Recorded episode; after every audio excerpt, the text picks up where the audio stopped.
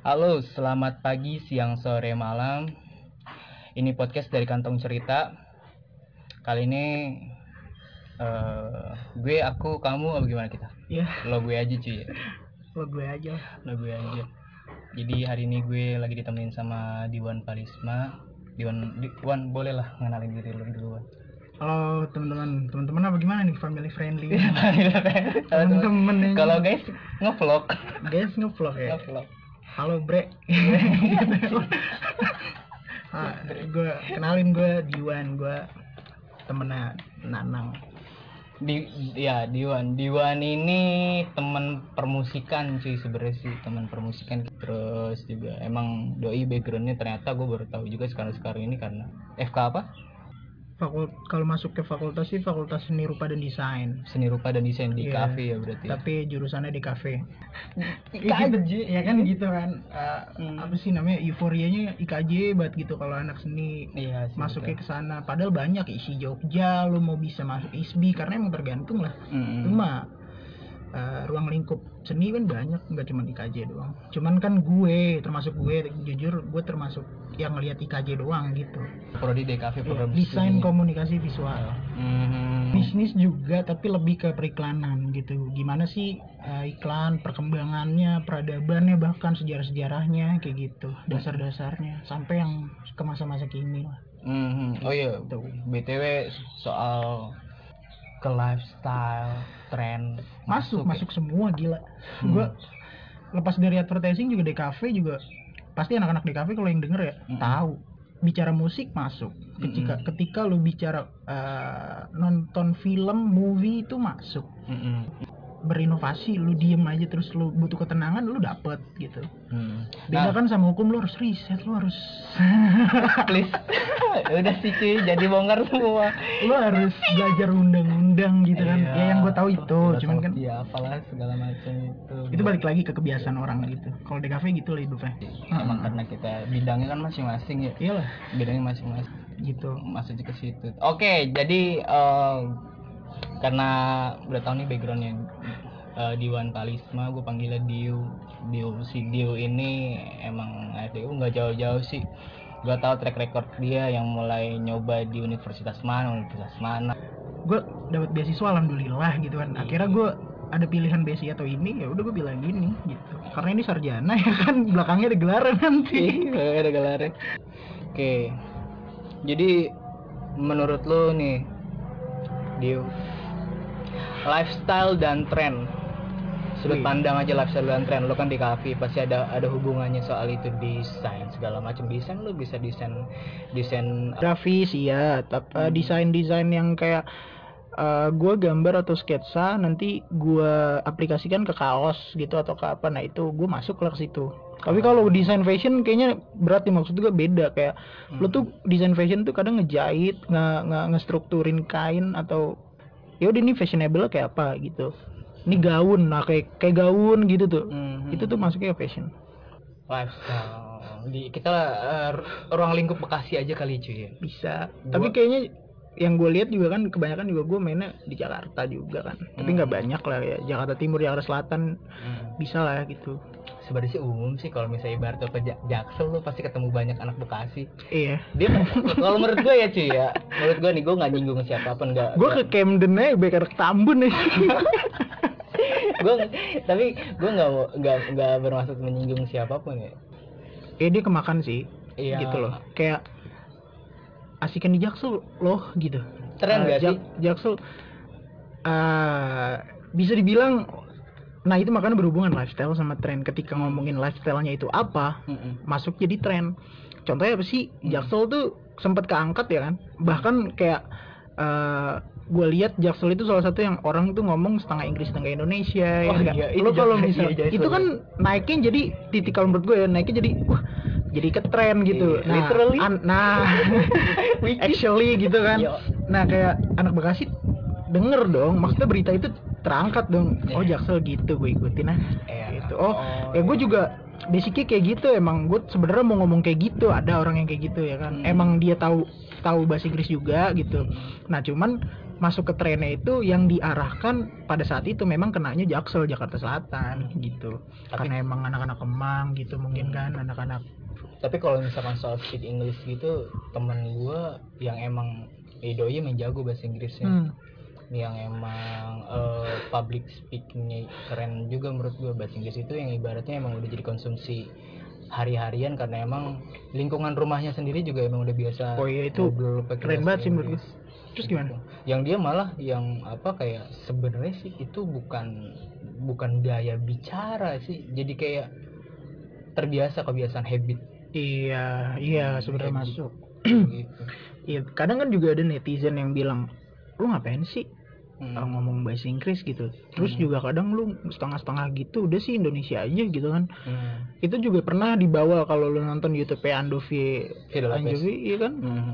dia ngangkat bahkan nyindir gitu sama ya bahasa Indonesia kan banyak banget yang diambil dari kata serapan dari luar Iya. karena emang aslinya kita tuh dijajah kan sama orang-orang luar Iya. Portugal Inggris iya Jepang iya Belanda Portugis, iya Portugis. Portugal tuh kan ke timur waktu itu Oh. NTT NTT yang ke pulau-pulau yang di situ tuh Oh, sebenarnya kan jajah kita dulu Inggris sih cuy, kalau NTT kayak yang timur-timur itu terus Papua, Inggris pada jajahan Inggris. kalau lihat Instagram waktu itu pernah disebut banyak kan Portugis sama Belanda kata serapannya Hmm. Portugis tuh kita bendera di Portugis tuh banjira Hmm. jadi nyerap dari situ kalau di Belanda banyak tuh gue tahu eh, lupa contoh-contohnya gitu 13 eh 300 tahun cuy. Mm, makanya Tiga abad dong kita dijajah ya gimana iya nggak dan? Inggris pun salah satu makanya kalau orang netizen ngomongnya lu gak salah ngomong Inggris ya bukan masalah itunya gitu karena memang yang lu bilang bisa kita habit atau kebiasaan dari kecil bahkan di keluarga ruang lingkup gitu kan. Iya. diajarinnya apa gitu. Bahkan orang yang pure Indonesia kalau lu tinggal di Inggris ya lo ngomongnya Inggris gitu. Dan emang karena pada akhirnya di Jaksel dan di beberapa kota jadi tren ngomong separuh-separuh gitu kali. ya. iya makanya itu kan masuknya gue bilang bisa ke tren kalau da- dilihat dari lifestyle dulu dong gaya hidupnya dulu Iya, dong gaya nah, hidupnya. lingkungannya juga nah ngaruh. itu tapi kalau gue kayak pribadi gitu kayak perlu perlu dalam arti kata perlu gue cukup ngerti aja deh biar setidaknya kalau misalkan gue emang masih di lingkungan tersebut gue nggak mati gaya gitu bisa bisa bisa kan gue yang yang sekarang sekarang ini yang emang anaknya udah udah udahlah cukup. Maksud gue warawiri warawiri. Bisa tongkrongan sih sumpah. Kita malah nyaring nyaring kayaknya sih ya. Iya lebih Di umur-umur kita tuh. Heeh, lebih ngefilter. Soalnya gue yang yang berteman tuh yang eh, ini sebenarnya ya prinsip aja sih bukan hitung hitungan tapi kalau kalau gue prinsipnya Hmm. berteman itu emang harus dapat feedback. Lu dapat feedback dari gua gua dapat feedback dari lu. Nggak cuman so- materi doang ya. Hmm, ibarat kayak gini nih lu Iya, ngasih iya, feedback iya, dong iya. ke gua karena kita berteman. Secara nggak langsung Secara kan langsung. gitu. Win gua butuh nih Iya, jadi bis- bisa kita sebenarnya nggak minta tapi kadang orang yang ingin gitu kan. Mm-mm. nang gue boleh nggak sih? Ya udah kalau emang lu mau gue silakan aja Ya, karena itu emang feedback tuh. ya. Iya Nah, bisa. cuma kalau menurut gue kalau gue pribadi ya Mm-mm. uh, sebenarnya gue nggak pengen. Maksudnya gue nggak pengen ketika teman-teman gue lepas. Cuman secara nggak langsung waktu itu waktu waktu itu yang jawab kayak ini banget nih ya maksudnya si jabat nih. Maksudnya waktu kadang-kadang memang uh, ngambil alih itu gitu loh. Gue nggak mau nih uh, lepas dari teman gue bukan lepas ya ibaratnya ngejauh gitu dikit-dikit. Hmm.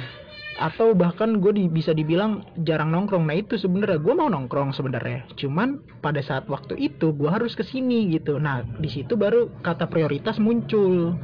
Ya kan? Gue lebih milih mana gitu. Kalau emang gue ngelihat tongkrongan ini cuman urusan gue yang lain gue ngeliat juga. Gue ngapain di sini gitu. Ada kepentingan nah apa di situ? bahkan kebutuhan kalau misalkan gue lagi butuh uang ya kan? Gue Ya. butuh uang sebenarnya nih.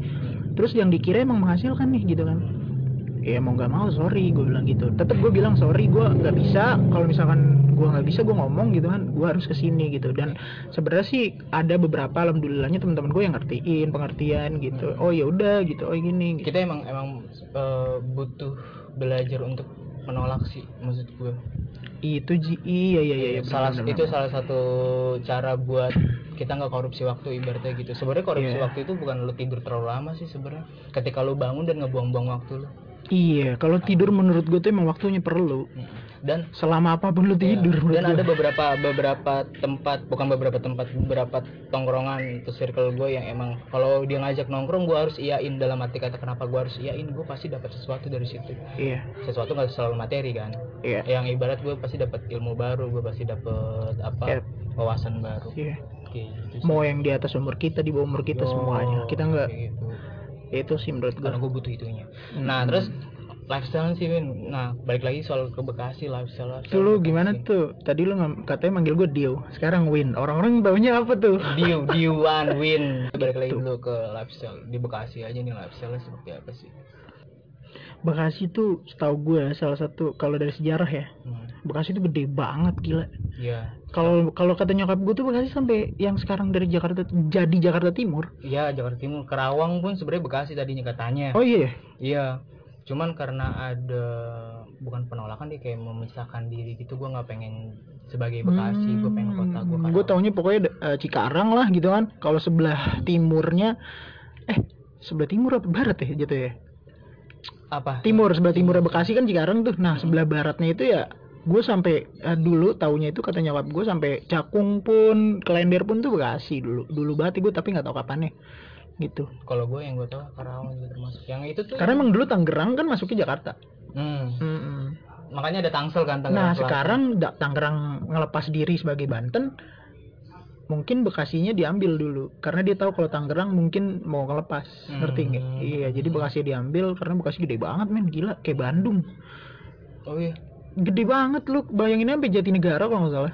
Sampai Jatinegara tuh masih Bekasi. Hmm. Pernah baca storynya sih? iya sampai ujung Cikarang dan bawahnya itu sampai Bantar Gebang. Gila sampai sampai sampai apa perbatasan Cilengsi itu gede banget gila. Tapi sayangnya jadi jadi segininya. Nah terus eh, mempengaruhi nggak sih eh, latar belakang sejarah itu? Kalau kalau Bekasi salah satu eh, eh, kalau mau gue pernah baca eh, pembagian eh, urban dan segala macem. Mm-mm. Bekasi itu masuknya tuh ke peringkat keempat atau kelima lah kayaknya. Mm-mm. dan Jakarta itu kalau mau urban itu nomor satu. Iya. nomor satu. Mungkin Bekasi nomor dua nomor tiga ding. Eh, koreksi ya kalau gue salah kalau misalkan emang yang denger mau riset atau udah pernah riset. Pokoknya Bekasi emang eh, di belakangnya urban. Jadi kalau urban yang nomor satu itu Jakarta kita bisa bilang urban. Nah, kalau gue lihat Bekasi itu ya apa ya tumbuh eh, kalau ngomongin lifestyle lifestyle dulu ya. Mm-mm. dia juga lifestyle eh, mengikuti gitu loh. Mengikuti apa yang udah ada. Dan yang udah adanya biasanya ditimbulkan dari anak-anak kota ibu kota Jakarta. Oh Gitu dong. tetap nyerap dari pusat kotanya berarti. Iya bukan dari ibu kota doang deh kita bisa bilang kota yang memang eh, lebih dulu ramai atau lebih dulu ini hype gitu. Maksudnya Oh, hype tuh iya. eh, dia meningkat kalau pertumbuhannya lebih Hmm. cepat gitu. Di Bekasi kalau menurut gue sih rada lama ya kalau menurut gue Hmm. kalau kita bandingin kayak Bandung sama Jogja pun kalau menurut gua Bekasi apa sih? Maksud gua kayak bukan bukan apa sih? Jadi kayak apa ikannya? Apa gitu Ikan kan? apa? dulu dulu Tapi sempat ya tapi gue pernah pernah, pernah dengar yang ada yang bilang Bekasi itu sebenarnya kota industri. Ya kota ini itu ujung Batman gila itu semua kawasan. Lo asal tahu aja gua nggak tahu sih itu limbah dibuang ke mana nggak tahu. Tapi ada mungkin strukturalnya kan.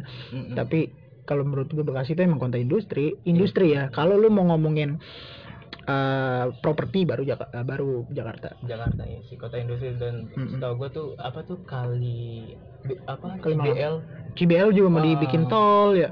Nah malah sebelumnya kali CBL itu itu kan karena apa kayak mecah Bekasi Bekasi kota sama Bekasi kabupaten tuh. Kayak nah dulu setahu gue kalau itu aliran sungainya banyak banget masih bisa tinggi itu tuh ada kapal yang emang buat jadi transportasi cuy. Oh. Transportasi Gitu ya. buat antar barang gitu logistik PT.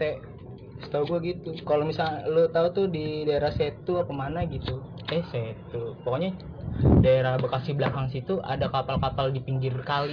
Oh iya. Yang nyangkut.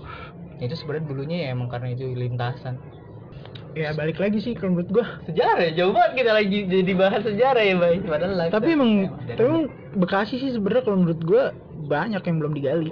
Banyak sih cuy bukan banyak yang belum digali udah ada yang menggali mungkin ya cuman belum eh, nggak mau nongol nggak nongol nggak nah nggak speak up nggak nongol gitu loh. Padahal Bekasi tuh kalau nggak ada lo mau lewat mana men kalau ke Jawa lo kalau nggak lurus lewat Pantura lo ke Bogor dulu. Gila jauh banget kecuali emang kampung lu Sukabumi ya udah gitu loh. Tapi emang sih kalau lifestyle tuh kebangun ka- dari kota-kota besar sih seperti Bandung, Jogja.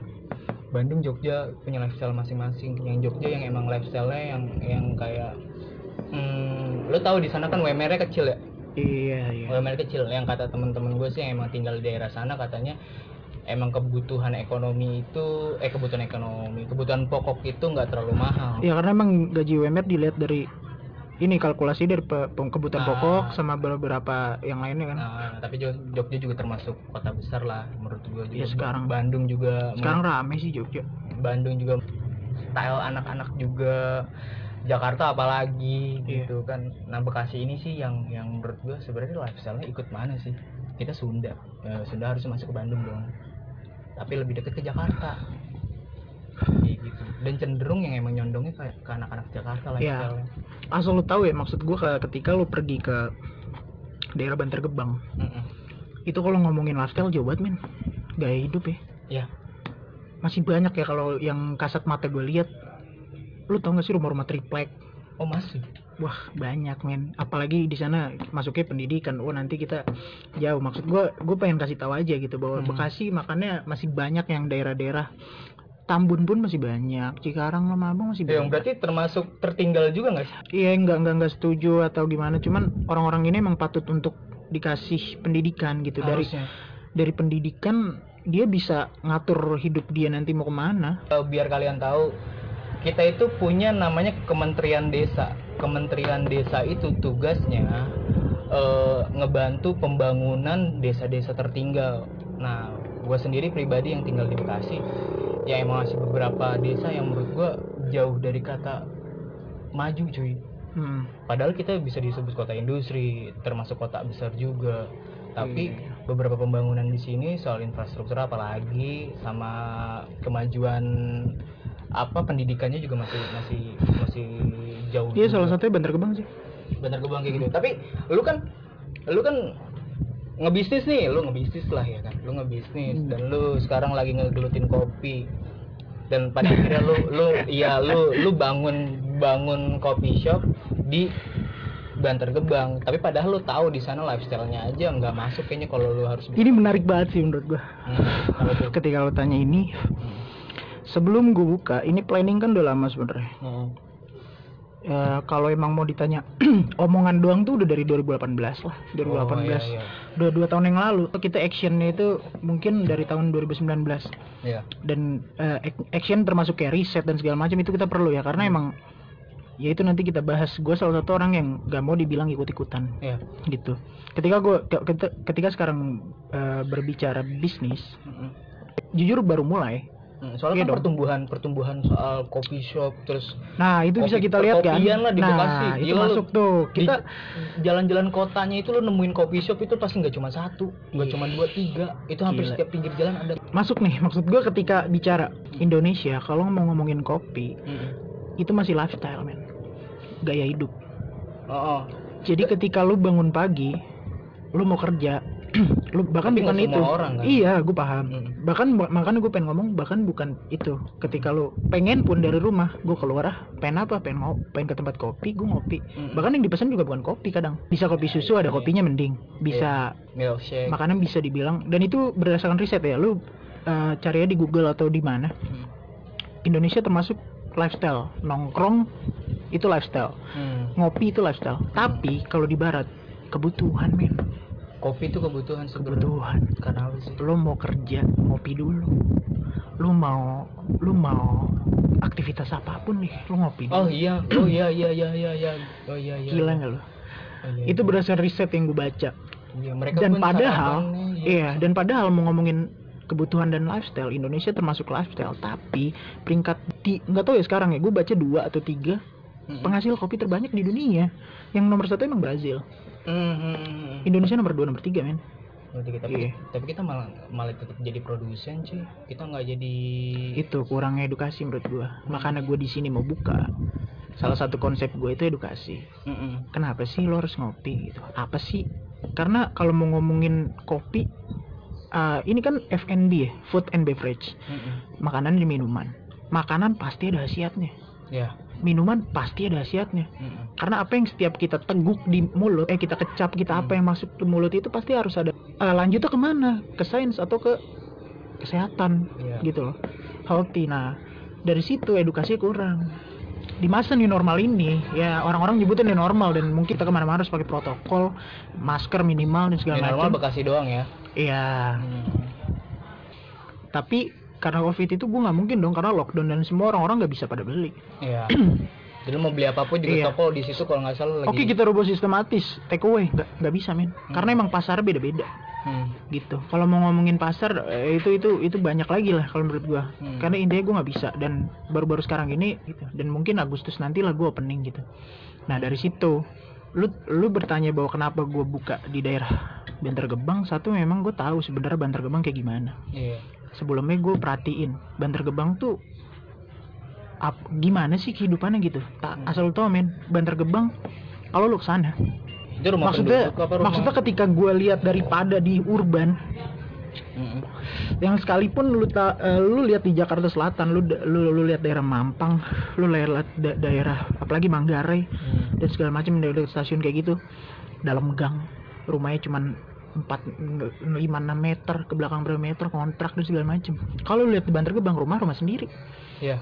10 meter ke belakang berapa meter Wow. Tapi Le- lepas dari situ gue tadi bilang ada yang rumah triplek iya masih banyak kan tadi gue bilang Hmm. di sana masih banyak juga rumah triplek yang di pinggir-pinggir Hmm. bulog yang kita sebut bulog itu tempat sampah dan segala macam masih banyak tapi tapi lu yakin orang-orang yang yang tinggal di rumah-rumah gede itu lah nggak ya kan atau di salah satu klaster atau perumahan bakal milih ngopi di di deket-deket daerah situ. Nah merajuk situ men. Ketika orang Bantar Gebang gue lihat oh ternyata gue nggak tahu sih ya surveinya nggak bisa mempresentasikan ya. Tapi gue lihat lah gitu be- beberapa banyak ternyata banyak kayak gitu gue nilai.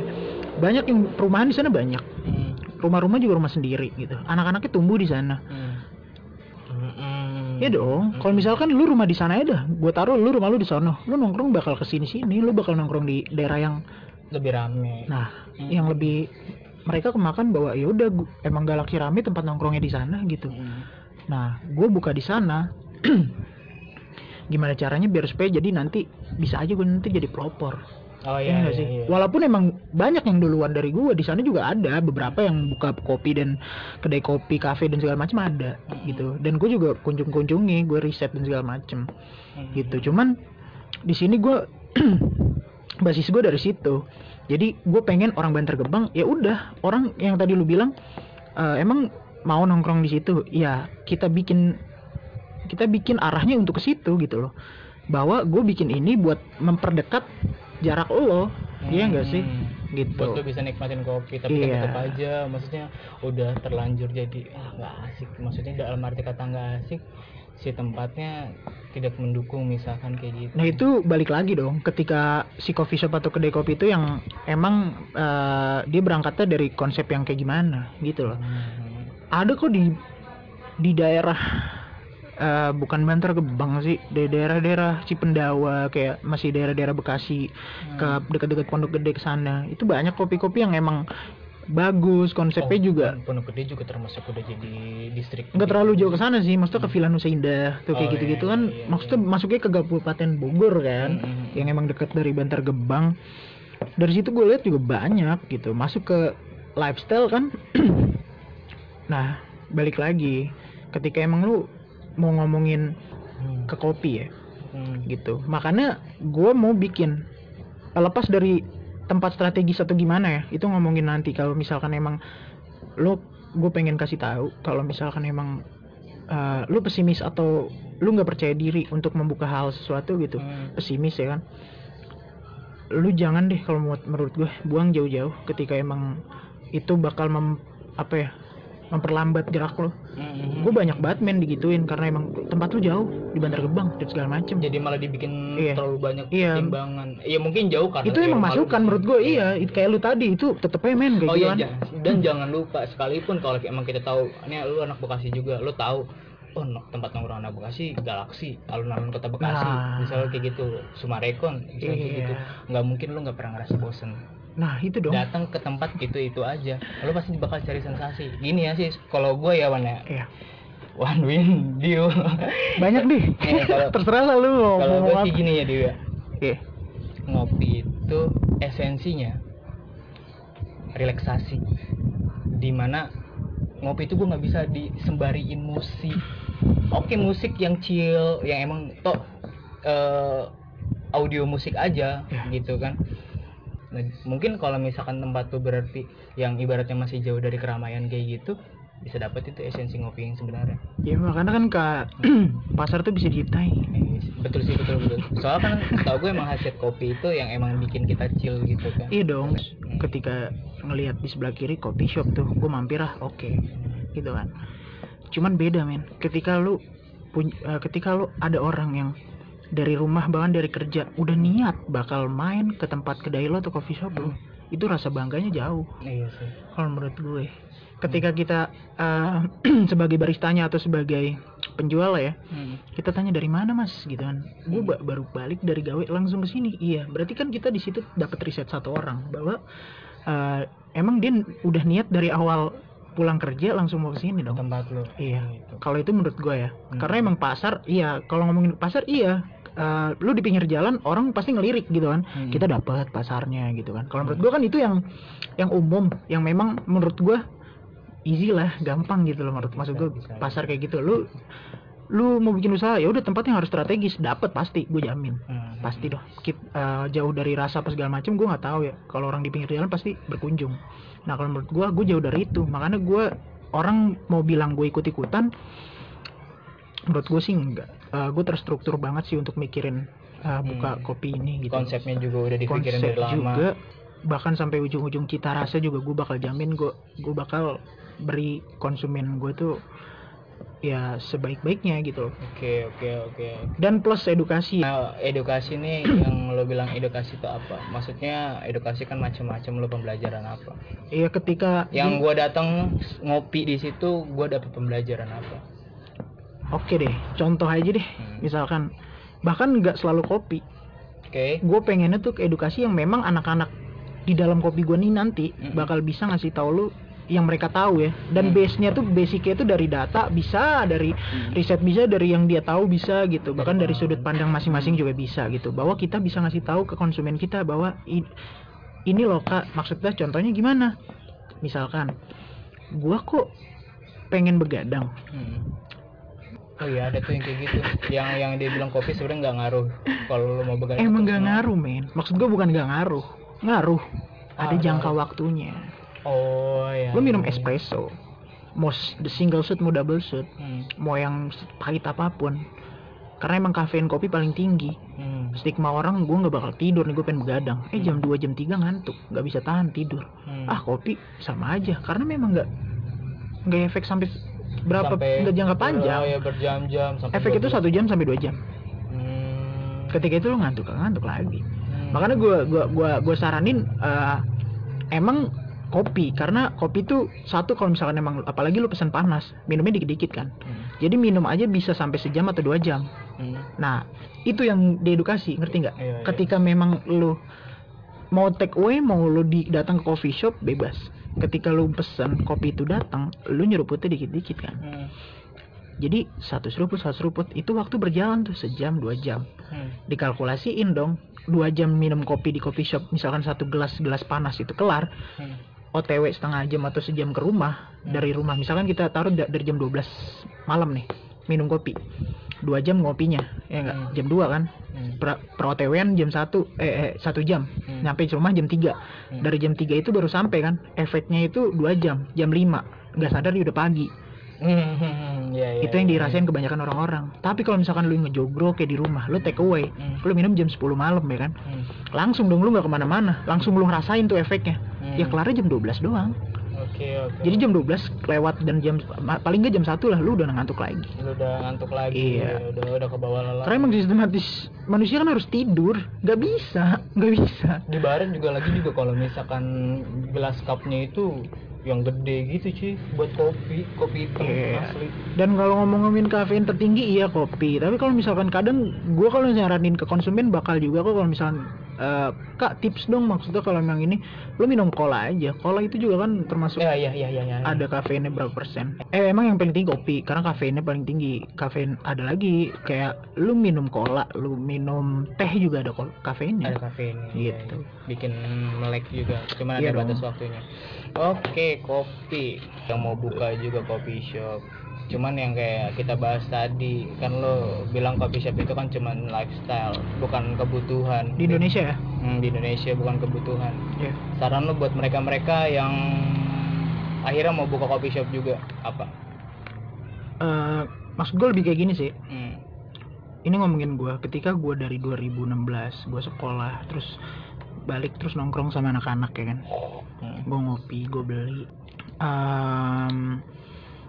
gue salah satu orang yang banyak pengen tahu Ya. gitu. pengen tahu gue tuh apa aja misalkan kayak gue megang kopi ini asalnya dari mana sih Hmm. ini kok kopi enak nih gitu itu gue ya nah gimana sih cara orang yang yang nggak kayak gitu gitu yang nggak kayak gue Hmm. ya kita harus emang eh, apa ya ngasih dia tuh edukasi dini ibaratnya kayak bukan edukasi dini maksudnya edukasi yang dasar lah gitu Hmm. Lu mau sampai kapan sih gitu-gitu doang gitu? Hmm. melihat memang banyaknya kopi yang udah kebuka ya udah lu bebas lu mau geser ke usaha apa. Yang penting intinya setiap lu berada di mana apa yang lu lihat lu bisa ambil ilmunya. Hmm. walaupun lu ngeliat doang men. Hmm. gitu. Kalau misalkan orangnya kritis dalam suatu se- semua hal ya. Kritis itu bukan hanya ke politik doang ya kan? Hmm. kritis itu bisa ke argumen orang bisa ke penilaian sudut pandang itu kok bisa kayak gitu gitu loh ya lu pernah nggak sih ngerasain kalau ah, gila ya logo Starbucks padahal gitu doang? Iya. bisa ah, padahal ratu gitu padahal apa? Maksudnya apa ya? Nah orang-orang kayak gitu menurut gue yang potensinya bisa menuju ke arah gue pengen bukaan nanti kayak gitu. Daripada orang yang udah emang yuk bareng-bareng ketemu sama anak-anak gitu jadi tempat ngumpul. Iya. kalau memang emang tujuannya dari awal ngumpul di tempat mana kita nge-push rank ya Iya, boleh karena emang gitu. iya vibe di rumah gitu kan Hmm. Eh, lu, lu lu sediain colokan banyak ya kan Hmm. sambil ngecas biasanya gitu nge-push rank oke lah Hmm. tapi kalau ke coffee shop lu main HP lu main ML men Hmm. lu main PES lu main apa gitu kan Hmm. maksud gue kayak ya udah lu bakal jadi konsumen terus lu bakal jadi real follow- followers kalau menurut gue Hmm. kita jadi followers men tapi jangan sampai jadi real followers yang dimaksud dari real followers itu real kalau misalkan kita jadi followers Hmm. kita ikutin dia kesehariannya dia apa yang dia lakuin Oh, kita template. ikutin nih iya tapi jangan sampai jadi jadi real followers real followers itu Hmm. itu bener-bener semuanya yang kita ikutin itu berdasarkan dia bahkan Oh, kita iya. bahkan bisa eh, potensi itu kita jiplak nah itu Hmm. nggak baik men oke, oke. jadi kalau menurut gue itu sih jangan terlalu ngikutin orang banyak referensi bukan ngejiplak ya. Hmm. referensi itu kita masukin ke otak dan kita asah lagi. Iya, kita iya. ulik lagi baru kita jadiin inovasi baru. Bahkan gue sih inovasi baru gitu. Menciptakan sesuatu yang baru lain dari yang Nah, lain. Ya betul gitu. Soalnya gue udah udah duh coffee shop coffee shop coffee shop. Jujur aja yang dicari itu bukan kopinya tempatnya. Nah itu. Kadang emang beda lagi sih. Termasuk tempat ketika emang lu jual apa tempatnya kayak gimana juga ngaruh Hmm. tempatnya kumuh ini apaan nih emang ini ini enak banget nih ini kopi yang salah satu misalkan ya Hmm. salah satu yang gue rasa paling enak gitu tapi kalau tempatnya nggak nyaman tempatnya Iya. kumuh apalagi ya tempatnya apa nggak disetting dengan baik sama aja kalau menurut gue karena itu base basicnya lu mau mulai sesuatu ya makanya harus dipikirin matang-matang. Ya jangan Gitu. jadi setengah-setengah gitu. Iyalah minimal lu harus riset lah harus riset kebiasaan apa aja sih gitu loh. Apa sih maksud gue ini men pesan gue kayak lu jangan terlalu ninggalin hal-hal kecil sih menurut gue yang Oke. bakal jadi nantinya besar. Hal-hal kecil tuh kalau menurut gue banyak banget apalagi gue belajar di eh, dunia periklanan ya yang yang yang yang tadi gue bilang kalau contohnya ya, stigma kalau bawa generasi micin ini bikin bego gitu jadi orang-orang makan micin tuh bego kan Iya, iya. itu orang yang bilang kayak gitu yang bego iya iya. ngerti gak?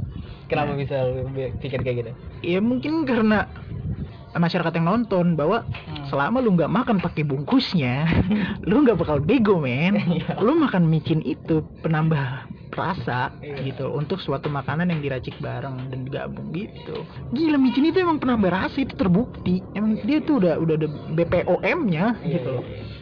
BP POM-nya tuh udah asli itu bumbu gitu loh Hmm. buat menambah rasa gitu sama aja kayak Hmm. Kopi ya emang buat diminum Hmm. gitu loh. Ketika lu kebanyakan ngopi lu bego gitu. Enggak kan? Ketika kebanyakan ngopi mata lu melotot mulu. Enggak kan? Enggak lah.